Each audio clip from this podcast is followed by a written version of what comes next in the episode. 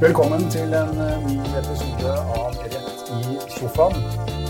Eh, Vi skal nok igjen snakke om den offentlige rettshjelpssatsen, som er en, eh, en stor pine for tiden.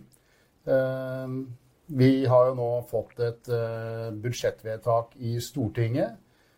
Og det budsjettvedtaket innebærer at den offentlige rettshjelpssatsen, altså den satsen som betales til advokater som påtar seg å representere klienter som har krav på å få dekket juridisk bistand fra det offentlige, f.eks. siktede i straffesaker eller fornærmede i straffesaker, eller folk som er involvert i barnevernssaker osv. Det er den satsen man altså betaler til advokaten. Og satsen eh, i årets vedtak innebærer at det er en realnedgang på satsen igjen. Altså at satsen har mindre verdi i år enn den hadde i fjor. Og den ligger nå 250 kroner under det det uavhengige salærrådet har anbefalt som bærekraftig. Altså en sats som gjør det mulig å yte forsvarlig rettslig bistand til disse menneskene. Eh, og med meg i sofaen denne gangen så har jeg leder av eh, forsvarergruppen. eh, Nyvalgt i høst som leder av forsvarergruppen, men ikke en eh, ukjent advokat for mange, Mette Yvonne Larsen. Ja, jeg har allerede sagt at vi, det er jo en fortvilet situasjon, men hvordan er stemningen da du representerer en stor gruppe av de av våre medlemmer som jobber med disse sakene, forsvarerne? Hvordan er stemningen der for tiden? Altså, Stemninga er ganske laber. Eh, Det er mye reell fortvilelse ute og går blant eh, medlemmer.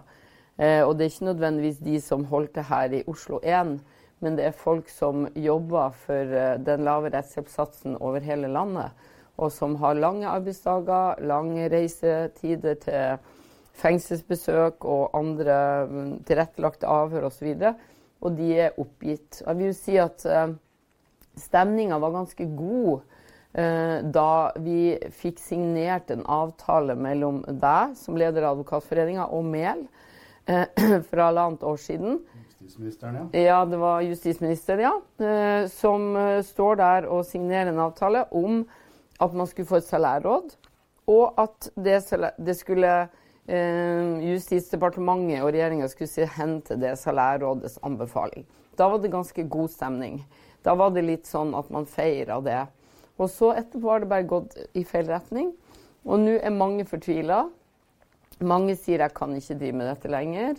Eh, yngre folk forsvinner til andre yrker. Og folk som brenner for å jobbe for de svakeste i samfunnet og ser på det som meningsfylt, de må finne andre måter å finansiere utgiftene sine på. Ja, for la oss snakke litt om dette. For dette dreier seg om et rettshjelpstilbud til innbyggerne som staten er forpliktet til å, å stille opp med. Og bare for å ta ett område, da, strafferetten. Det er jo et område som eh, tradisjonelt, akkurat som leger spesialiserer seg, så gjør jo også vi advokater det. Og da jeg vokste opp, så var det Drev du som forsvarer, så var det ditt spesialområde. Og det holdt du på med. Er det, er det med dagens satser, er det mulig? Altså veldig mange som eh, kanskje driver litt utafor Oslo-gryta, men også folk her formidler jo til oss at dette kan jeg ikke fortsette med lenger. Eh, noen slutta. Andre som har drevet med det i årevis, de må finne andre måter å få dekka utgiftene på. Og jeg opplever jo også der, eh, at folk klager på den urettferdigheten det er at statens advokater på alle mulige måter eh, har eh, høyere høyere satser. De eh, får mer ut av det, og de lager en sånn ubalanse i systemet. Fordi man, eh, våre klienter opplever jo at det sitter noen på andre sida og kanskje har bedre vilkår enn det deres egen forsvarer eller bistandsadvokat har. Og jeg tenker jo at det her går også utover barn. Barn som voldsofre. Kvinner som er utsatt for voldtekt, overgrep.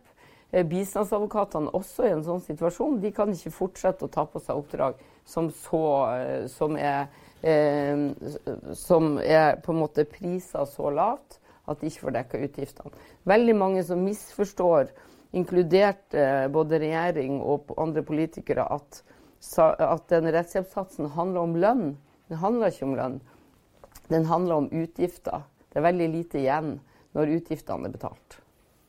Ja, la oss bare ta det som et sånt uh, grovt regnestykke. Nå har vi uh, Den offentlige rettshjelpssatsen er på, nå på drøye 1200 kroner uh, timen. Fra nyttår, ja. Ja, fra mm. nyttår. Um, og det er jo da en, en, en brutto næringsinntekt mm. for advokaten som påtar seg oppdragene. Mm. hva vil du si f.eks. når du driver kontor i Oslo? Hva, av de 12, drøye 1200 kronene, hva er det som går med til ja, det går, jo, det går jo Nesten hele satsen går jo med bare til kontorleie, ansettelse, eh, lønn, sekretærer, eh, teknisk utstyr. Så alle advokater som jeg kjenner som brenner for strafferett, inkludert meg sjøl, må finne andre måter å finansiere det som da skal være overskytende. Må ha andre saker som er bedre betalt, eh, gjøre andre oppdrag. Og på en måte Det kan, kan føre til at straffesakene blør. Når det er sagt, så brenner jo folk for strafferett. Så jeg mener at vi fortsatt leverer gode tjenester til folk, men at det skal ikke så mye til nå før folk begynner å tenke at dette kan jeg ikke holde på med lenger. Nå skal jo vi eh, straks opp til eh, Justisdepartementet og ha vårt eh, årlige møte med justisministeren. Du og jeg og noen flere fra foreningen. Eh, og de vet jo godt hva vi mener. Mm. De vet hva Salærrådet mener er en forsvarlig sats, som de nå ligger langt under. Eh, så det blir jo spennende å, å se om eh, justisminister Mehl har noen lovnader for revidert statsbudsjett. Mm. Men det vi kan konstatere, er at hittil så er jo ingen av de løftene hun og departementet har avgitt overfor oss i avtaler, holdt. Nei. Og jeg stusser jo på at man kan gjennom en sånn prosess og ende opp med eh, å inngå en avtale som signeres av begge parter, og så blir den ikke respektert. Så jeg lurer på hva som, hva som styrer det. Hvorfor har justisministeren og embetsverket bare sett bort fra det? Hva er det som har skjedd? Anser de ikke at vi var eh, profesjonelle parts... Eh, altså parter som kunne liksom eh, forplikte hverandre. Har, ser hun seg ikke forplikta, eller hva er det det handler om? Fordi vi vet jo nå at det er snakk om å kanskje finne 400 millioner. Så vil man komme opp på et riktig nivå. Et lavt, men riktig nivå. Eh, og hun finner jo penger til andre ting. Altså Regjeringa har jo akkurat funnet penger, 800 millioner til politiet. Så skal politiet etterforske og så skal de gjøre ferdig sakene. Hvor, hva skal forsvarerne og bistandsadvokatene gjøre? De, de, har ikke mer arbeidskraft å tilby de på den salærsatsen. Eller den rettshjelpssatsen. Nei, Det er ubalansen i, i, mm. straffesakskjeden ja. når vi snakker om det området. Og vi har jo hatt aksjoner nå, eller vi, si vi har hatt kampanjer nå i høst. Eh, hvor eh, allmennheten har fått sett videoer fra klienter som har fått god hjelp de har sett videoer fra advokater som sier dette kan jeg ikke drive med lenger. Vi har underskriftskampanje som uh, viser at mange, mange organisasjoner støtter oss. Og vi har prøvd en del, uh, men vi ser at det er ikke nok. Situasjonen er veldig alvorlig. Vi har nå beslutta aksjoner. Det kan bli streik, og det kan bli andre ting som vil lamme et rettssystem. Men vi ser ikke noen annen mulighet. Nei, vi får se hva ministeren uh har å fortelle oss i dag. Hun har sjansen nå til å løse dette, og det håper vi at hun gjør. Takk skal du ha. Takk for i dag.